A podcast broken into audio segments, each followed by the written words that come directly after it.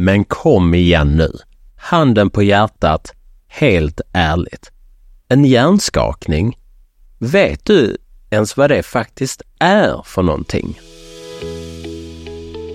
Välkomna till Hjärnskakningspodden. Här diskuterar vi allt som har att göra med just hjärnskakningar.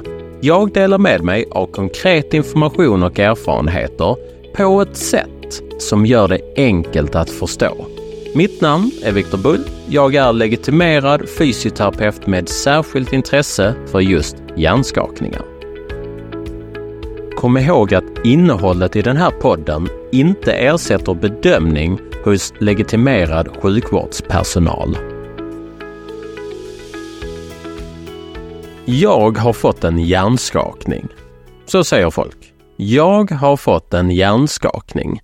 Jag kan inte ens räkna hur många gånger jag har hört den meningen, men alltid när jag hör det, alltid när en person berättar att de har fått en hjärnskakning, så ställer jag en väldigt viktig motfråga.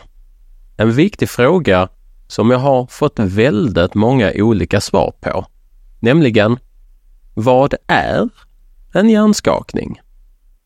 Om ni, om ni tänker lite på det själva, vad är det egentligen? Ska man dra till en massa andra olika skador i kroppen, till exempel en eh, korsbandsskada vet man att det är ett slags snöre i knät som går sönder, alltså ett eh, ligament, ett ledband som går sönder. Eller om man har fått eh, ont i en muskel eller ont i en axel. Om inte de medicinska detaljerna så kan man väl ändå förstå ungefär hur det går till. Men hur tusan ter sig då en hjärnskakning vad är det för något? Vad händer i hjärnan? Och framför allt, hur ser det ut för en person som har drabbats? Vi kommer komma in på alla de olika bitarna, men för det första så vill jag att vi tar det hela från början. Var sker hjärnskakningarna? Vi ska ta det från tre olika scenarion. Tre olika personer där vi ska beskriva hur deras hjärnskakningar gick till. Och här ska du få lov att gissa. Även om jag inte kan höra vad du gissar eller vad du tänker så ska du ändå få lov att fundera ut ett eget svar på huruvida någon utav de här personerna eller kanske till och med varenda en av de här följande personerna faktiskt drabbades av det som man kallar för en hjärnskakning. Person nummer ett. Vi tar Håkan. Han är 49 år gammal. Håkan är med om en bilolycka då han blir påkörd från sidan av en annan bil. Håkan slår då huvudet mot dörren på förarsätets sida. Han får genast symptom i form av att han känner sig dåsig. Han har svårt att formulera sig i ord. Han svamlar med talet han drabbas av en minneslucka. Någon timme senare efter den här bilkrocken så får Håkan också ont i nacken. Han uppger att han känner sig dimmig i huvudet. Han har då också fått huvudvärk och börjar känna av en yrsel. Han får givetvis åka in till akuten där eh, de snabbt och enkelt kan konstatera att det i alla fall inte har skett någon form av hjärnblödning i hjärnan för de skickar nämligen in Håkan i en så kallad röntgen eller en datortomografi där de tar detaljerade bilder av hjärnan för att konstatera att det i alla fall inte är någon blödning. Håkan får därefter rådet om att åka hem och vila. Håkan är helt återställd sex veckor senare. Okej, det var första scenariot. Det var person nummer ett, Håkan, 49. Om vi sen tar en annan person, där det är lite annorlunda, en yngre person, Lisette kallar vi henne. Hon är 20 år gammal och eh, hon är väldigt aktiv inom eh, hästsporten. En dag när hon rider på sin häst så faller hon av. Hon landar då hårt på ryggen, men hon slår inte i huvudet. Hon reser sig därefter upp. Hon tränar färdigt, mår helt bra men vaknar dagen därpå med en sprängande huvudvärk. Hon är trött i skallen, känner sig också dimmig i huvudet. Hon tar en Alvedon vilket lindrar något och efter fyra dagar så känner hon sig helt bra igen. Och scenario nummer tre. En lite yngre person, Magnus kallar vi honom, han är 18 år gammal. Magnus är en person som tycker om att eh, gå ut och festa och dricka alkohol och just den här kvällen har det blivit några glas för mycket. Han eh, står i en bar nere i stan och är väldigt berusad. På vägen ut från baren så slår Magnus huvudet hårt i dörren. Han är inte beredd på smällen. Även om han eh, inte hade varit berusad så var han trots allt väldigt trött. Han såg inte dörren som var i vägen. Han eh, går hem, han gör ingen eh, stor sak av det hela utan han går hem, somnar och vaknar med diverse bakfyllesymptom om man får kalla det för det. Är det då en hjärnskakning? Om man skulle sammanfatta igen. Håkan, 49 år, bilolycka, som eh, där han genast fick symptom i form av dåsighet, minnesluckor, ont i nacken, han blev dimmig i huvudet, som han själv uppgav det. Han fick huvudvärk och yrsel. De röntgade huvudet på honom, men där kunde man inte se någon blödning.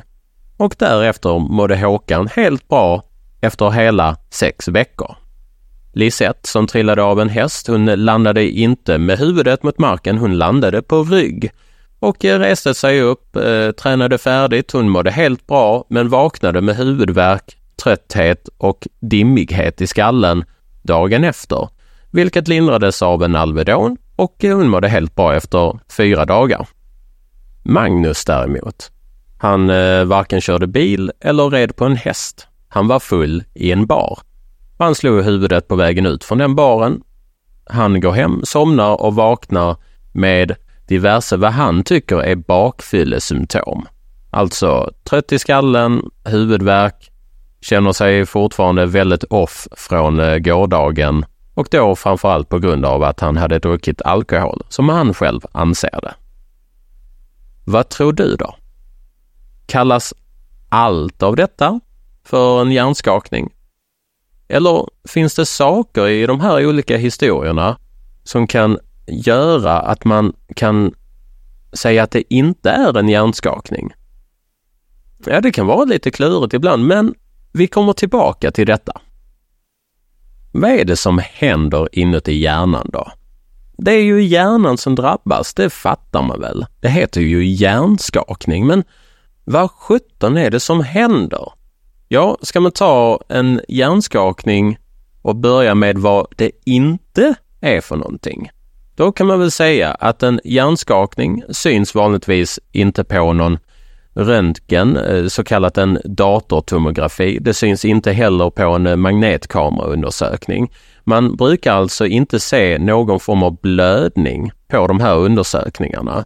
Det är det vanliga. Sen finns det vissa undantag till den regeln, men det vanligaste är i alla fall att man inte ser någonting skadligt på en röntgen. Jag har även hört många som har sagt att en, en hjärnskakning, det är väl som om du har en eh, tennisboll inuti en vattenflaska fylld med vatten och du skakar den här vattenflaskan så att tennisbollen åker runt omkring i den här vattenflaskan och slår i väggarna. Alltså en liknelse som att hjärnan skulle fara runt inuti kraniet och slå i väggarna på insidan av skallen. Detta är en väldigt vanlig förklaring, men den har vissa brister. Anledningen till att det är svårt att säga det på det sättet, det är för att inuti kraniet så är det inte massvis med luft och mellanrum mellan hjärnan och skallen. Det är inte så att du har massvis med centimeter där hjärnan kan fara runt och slå i väggarna och insidan på kraniet. För att det avståndet är väldigt, väldigt litet. Vad som istället sker, det är att det sker en töjning, en sträckning, en form av impulsvåg som rör sig genom hjärnan och skapar en sträckande effekt på många av de upp mot 100 miljarderna av nervceller som vår hjärna faktiskt består av. Skulle man sen zooma in på varenda en av de här små nervcellerna som hjärnan består av så skulle de se lite äckliga och ringliga ut, väldigt avlånga små gummiband. väldigt, väldigt små gummiband. Varenda ett av de här gummibanden har en viktig funktion. En av de funktionerna är att kommunicera med andra gummiband, alltså kommunicera med andra nervceller i hjärnan. Hjärnan består alltså av ett stort nätverk av väldigt välfungerande nervceller.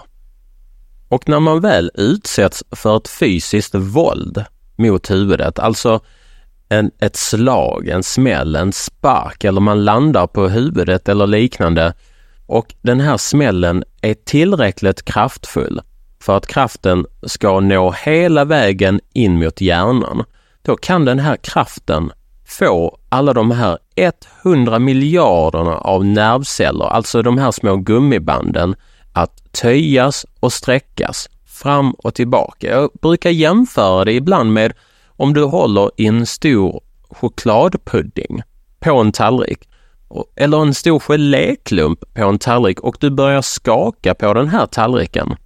Då kommer både chokladpuddingen eller geléklumpen att börja svaja fram och tillbaka.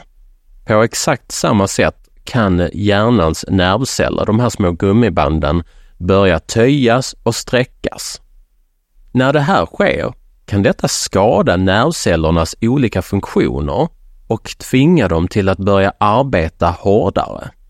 När nervcellerna arbetar hårdare för att återställa den här balansen som har blivit skadad drabbas nervcellerna av en så kallad energikris. Detta kan man likna med när Sverige drabbades av brist på elektricitet under vintern mellan 2022 och 2023. Då fortsatte folk använda sina elektriska apparater. Fabriker var ju tvungna att producera sina varor och tjänster. Eh, pizzabagare och konditorier var tvungna att hålla igång sina ugnar och detta krävde väldigt mycket el, väldigt mycket energi. Om man då inte har särskilt mycket elektricitet eller energi att tillföra, då kommer detta kosta en dyrt. På samma sätt fungerar det efter en hjärnskakning. Om väl nervcellernas funktioner har blivit skadade efter de här töjningarna och sträckningarna, efter det här fysiska våldet, så tvingas nervcellerna att arbeta hårt och när de arbetar hårt för att återställa den balansen i nervcellerna som har blivit skadad så kräver det väldigt mycket energi och då kostar det dyrt. Vad som händer med den här energikrisen däremot och hur länge den håller i, det kan skilja sig väldigt mycket åt från person till person troligen och det finns många olika svar på den frågan hur man ska tolka det. Men jag tänker att det blir för ett framtida avsnitt. För nu så räcker det med att ni vet att en hjärnskakning innebär ett våld som får hjärnans nervceller, de här små gummibanden, att töjas och sträckas, vilket skadar deras eh, funktion. Och den här funktionen måste återställas och när den väl håller på att återställa sig själv så drabbas nervcellerna av en stor energikris för att det kräver väldigt mycket energi för att återställa den här skadan som hjärnan har drabbats av. Men för att någonting ska få lov att kallas för en hjärnskakning, vad krävs det då? Jo, det är väldigt, väldigt enkelt och i stort sett alla som kan grundreglerna för vad en hjärnskakning är kan på ett mycket enkelt sätt känna igen en hjärnskakning. För det enda som krävs är två saker. Man måste drabbas av nummer ett, ett trauma, alltså ett våld, ett fysiskt våld. Man kan inte vakna upp med en hjärnskakning helt plötsligt och man kan inte få en hjärnskakning genom att gå på en rockkonsert och eh, dunka huvudet i luften utan att man träffar i någonting. Utan man måste vara utsatt för ett våld. Av ett våld säger jag. Men vilken typ av våld då? Jo, ett våld är en smäll, en fysisk kraft som skadar hjärnan. Men det som många inte känner till, det är att man behöver inte bli träffad i huvudet för att drabbas av en hjärnskakning. Jag säger det igen. Man behöver inte bli träffad i skallen, i, alltså i huvudet, för att man ska kunna drabbas av en hjärnskakning. Man kan bli träffad mot nacken eller någon annanstans på kroppen, till exempel att man landar hårt på rygg. Jag har till exempel träffat ishockeyspelare som har blivit utsatta för en tuff tackling framifrån. Av den här tacklingen har de då väldigt snabbt landat på rygg. De har inte slagit i huvudet, de har inte slagit i nacken, men de har ändå drabbats av en hjärnskakning. Anledningen till detta, det är för att även om man inte blir träffad i huvudet så kan hjärnan ändå utsättas för väldigt starka hastigheter. Det enda som krävs egentligen är att hjärnan accelereras, kommer upp i en väldigt hög hastighet och en väldigt snabb inbromsning. Det är därför tillräckligt för att kallas för trauma mot hjärnan. Men det krävs inte bara ett trauma, alltså det krävs inte bara en smäll för att det ska kallas för en hjärnskakning. För att om det var det enda som krävdes, då skulle varenda liten fotbollsnickning kallas för en hjärnskakning. Men det är ju heller inte rimligt. I så fall hade man aldrig kunnat spela fotboll om man hade drabbats av en hjärnskada varje gång man hade nickat en fotboll. Förutom ett trauma, alltså en smäll, så krävs det en annan sak också för att det ska få lov att kallas för en hjärnskakning och det är symptom. Man måste få symptom för att det ska kunna kallas för en hjärnskakning och vilka symptom då? Jo, de allra vanligaste symptomen, det kan skilja sig lite från person till person givetvis, men huvudvärk, yrsel, illamående, att man eh, känner sig konstig i skallen, att man känner sig dimmig i skallen säger många, att man känner sig onormalt trött, att man blir medvetslös kan vara ett symptom eller att man får balanssvårigheter att man drabbas av minnesluckor eller börjar ställa konstiga frågor såsom var är vi någonstans och vad är det här för en tävling och vad är det för datum och varför är jag inte inne på planen? Vad är det som har hänt? Det där är många olika exempel på symptom för en hjärnskakning. Så, om man då träffar en person eller ser en person som drabbas av ett fysiskt våld, antingen mot huvudet, nacken eller mot kroppen, där de efteråt drabbas av symptom för en hjärnskakning, då kan man kalla det för en hjärnskakning. Men de här symptomen, när uppstår de? Finns det någon gräns för när de kan eller inte kan uppstå? Och det här kan också vara lite knepigt för även om en stor mängd av symptomen efter en hjärnskakning uppkommer bara sekunder och minuter och timmen efter att man har drabbats av den här smällen. Till exempel när man drabbas av en smäll under en fotbollsmatch och fortsätter spela vidare men efter tio minuter så märker spelaren att det är någonting som känns konstigt i huvudet och man kliver av. Kan symptomen uppstå senare än så? Ja, det kan de. Det är det som är så himla lurigt och svårt när det gäller att diagnostisera en hjärnskakning för att symptomen efter en hjärnskakning, de kan dyka upp alltifrån flera timmar, 24 till upp mot 48 timmar efter en hjärnskakning.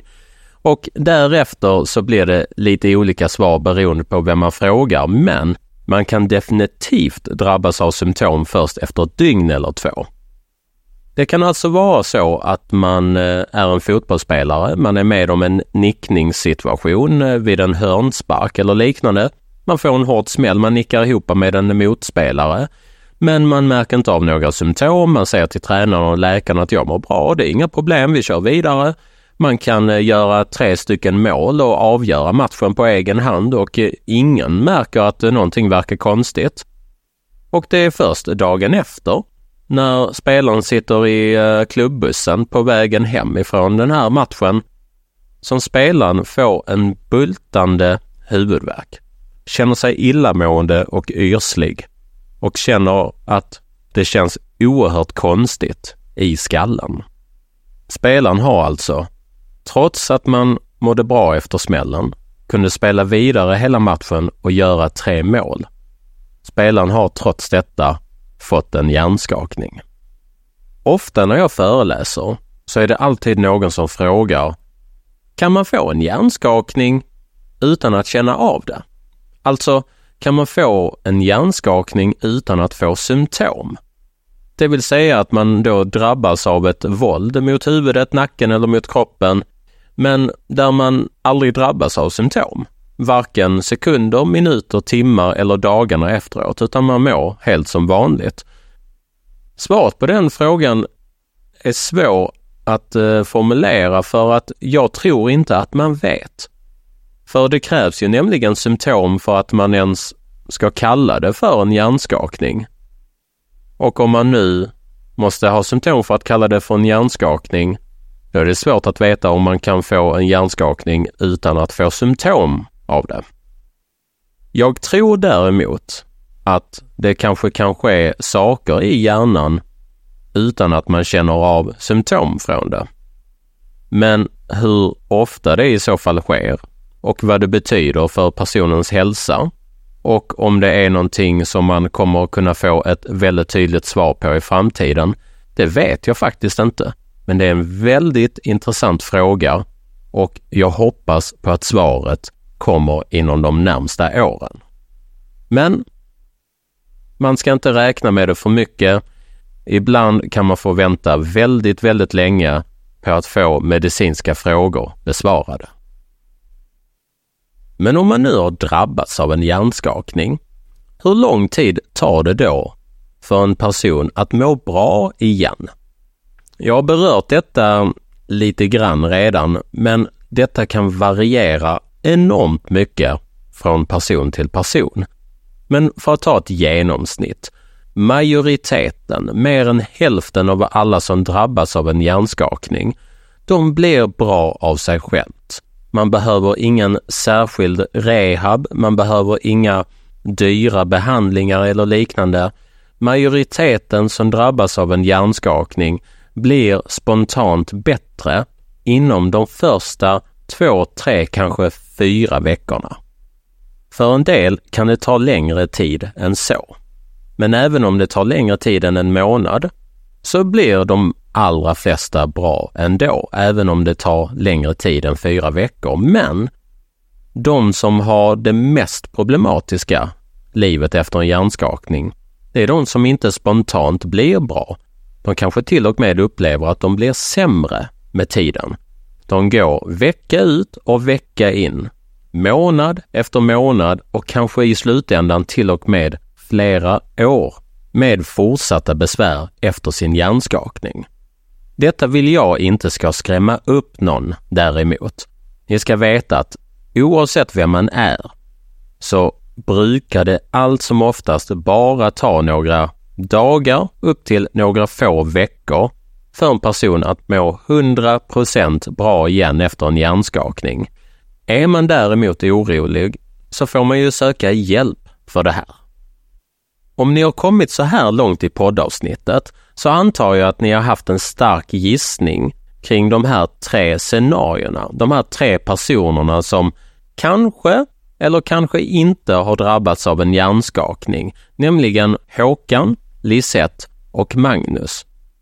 För nu när du har lärt dig vad en hjärnskakning är, vad som händer inuti hjärnan och vad det krävs för faktorer för att man ska kunna kalla det för en hjärnskakning, då ska vi se om Håkan, Lisette eller Magnus faktiskt har drabbats av en hjärnskada. Och vi börjar givetvis med det första exemplet, Håkan. Håkan var ju med om en bilolycka, påkörd från sidan och han slår i huvudet i dörren. Där har vi nummer ett. Vi har ett trauma, ett fysiskt våld, antingen mot huvudet som det var i det här fallet, men det hade ju också kunnat vara mot nacken eller någon annanstans på kroppen, men nu var det mot huvudet. Och Nummer två. Håkan får symptom på en hjärnskakning i form av han känner sig dåsig, han har svårt att formulera sig, han drabbas av en minneslucka, han får senare även ont i nacken, han känner sig dimmig i skallen, får huvudvärk och yrsel. Svaret är ja. Håkan drabbades av en hjärnskakning. Tittar vi på exempel nummer två. Lisette som trillade av sin häst. Hon landade hårt på rygg men slog inte i huvudet och reste sig upp, tränade färdigt, mådde helt bra och vaknar dagen därpå med en sprängande huvudvärk, trötthet och dimkänsla i huvudet. Har då Lisette drabbats av en hjärnskakning? För att veta det måste vi börja med det första kriteriet. Ett trauma. Det måste vara ett fysiskt våld. Och ja, det var det. Hon landade hårt på ryggen. Men hon slog ju inte i huvudet. Men det vet vi ju redan efter tidigare i det här poddavsnittet att man behöver inte slå i huvudet för att kunna drabbas av en hjärnskakning. Man kan drabbas av det även om man slår i någon annan del av kroppen. Men nummer två, det krävs ju också symptom. Och det fick hon ju. Inte minuterna och timmarna efteråt. Hon fick det dagen efter. Men det vet ni ju också nu att man kan få symptom från en hjärnskakning alltifrån minuter, timmar upp mot en till två dygn efter att olyckan har skett. Tittar vi sen på det tredje exemplet. Det här exemplet är lite lurigt för att Magnus då, 18 år gammal, som var full i en bar. Han slår i huvudet hårt när han går in i dörren på vägen ut. Han går hem, somnar och vaknar med diverse så kallat bakfyllesymptom dagen därpå, vilket oftast kan efterlikna hjärnskakningssymptom såsom att man känner sig extremt trött, man har huvudvärk, man känner sig utzonad, dåsig och givetvis så kan man ju ha minnesluckor efter att man har druckit för mycket alkohol. Är detta då en hjärnskakning? Jag skulle väl sammanfatta det som att man ännu inte vet om det är en hjärnskakning för att symptomen på en hjärnskakning kan efterlikna många av symptomen som Magnus kan känna på grund av att han har druckit alkohol. För att ta reda på om det här faktiskt var en hjärnskakning, då hade jag rekommenderat, utan att eh, vara 100% säker, för det kan man inte vara alltid, men jag hade rekommenderat Magnus att eh, ta det lugnt i en, två dagar. Försöka få återhämtning och sömn och mat och vätska i kroppen. Inte alkohol då, utan vatten och kanske apelsinjuice. Om då Magnus fortfarande flera dagar senare har kvarvarande symptom som tyder på en hjärnskakning, till exempel att han har en huvudvärk kvar som han inte brukar ha. Han känner sig dåsig och dimmig i huvudet. Han känner sig extremt trött eh, i skallen, ja, då kanske man kan öka misstanken kring att det var en hjärnskakning han drabbades av. Men om man nu inte har symptom flera dagar efter den här smällen, alltså flera dagar efter att han inte längre känner av eh, bakfyllan så att säga, kan man då utesluta till 100 procent att det inte var en hjärnskakning? Och då är svaret även nej på den frågan för att även om eh, Magnus nu mår helt bra både från alkoholen men också från en eventuell hjärnskakning flera dagar efteråt så kanske den här hjärnskakningen ändå har skett. Det är bara svårt att veta det på grund av att han var berusad samtidigt. Puff, det har varit väldigt många olika detaljer i de här olika scenarierna och jag tackar för ditt tålamod. Hoppas att du har kunnat hänga med i svängarna. Men för att sammanfatta kort vad det är som händer i hjärnan när man får en hjärnskakning. Jo, det är en töjning och sträckning av de många hundra miljarderna av nervceller som vi har i hjärnan. Och när de töjs och sträcks så kan de utsättas för en skada och den här skadan måste repareras och under tiden som den här skadan repareras så kräver det väldigt mycket energi och engagemang av nervcellerna för att de ska kunna fungera normalt igen. Under tiden som de håller på att reparera sig och den här energin används till det så kan nervcellerna till viss del drabbas av en energikris. Och för att det ska kunna kallas för en hjärnskakning så krävs det i regel två saker. Det första är ett fysiskt våld, alltså att eh, kroppen, hjärnan eller nacken utsätts för ett fysiskt våld, en smäll, som nummer två genererar symptom på en hjärnskakning. Till exempel huvudvärk, minnesförlust, eh, yrsel, illamående, dåsighet, eh, hjärndimma eller att man känner sig dimmig, att man känner sig konstig, off eller liknande, har balanssvårigheter. Det, det kan vara väldigt många olika symptom, men det är det som krävs. Ett trauma och symptom. De här symptomen kan dessutom ta en del tid på sig att uppstå. Ibland så uppstår symptomen direkt, sekunder och minuter efter smällen, men symptomen kan även dröja många minuter, många timmar, upp till och med cirka ett till två dygn innan symptomen uppträder och man börjar känna av det från smällen. Hur lång tid det sen tar att bli helt frisk efter en hjärnskakning varierar väldigt mycket från person till person, men majoriteten som drabbas av en hjärnskakning mår helt bra inom loppet av några dagar upp till två, tre, kanske fyra veckor. Men jag vet givetvis att det finns väldigt, väldigt många som har problem en lång tid längre än så. Men om man nu inte mår bra efter första månaden då? Vad beror då det på? Mm.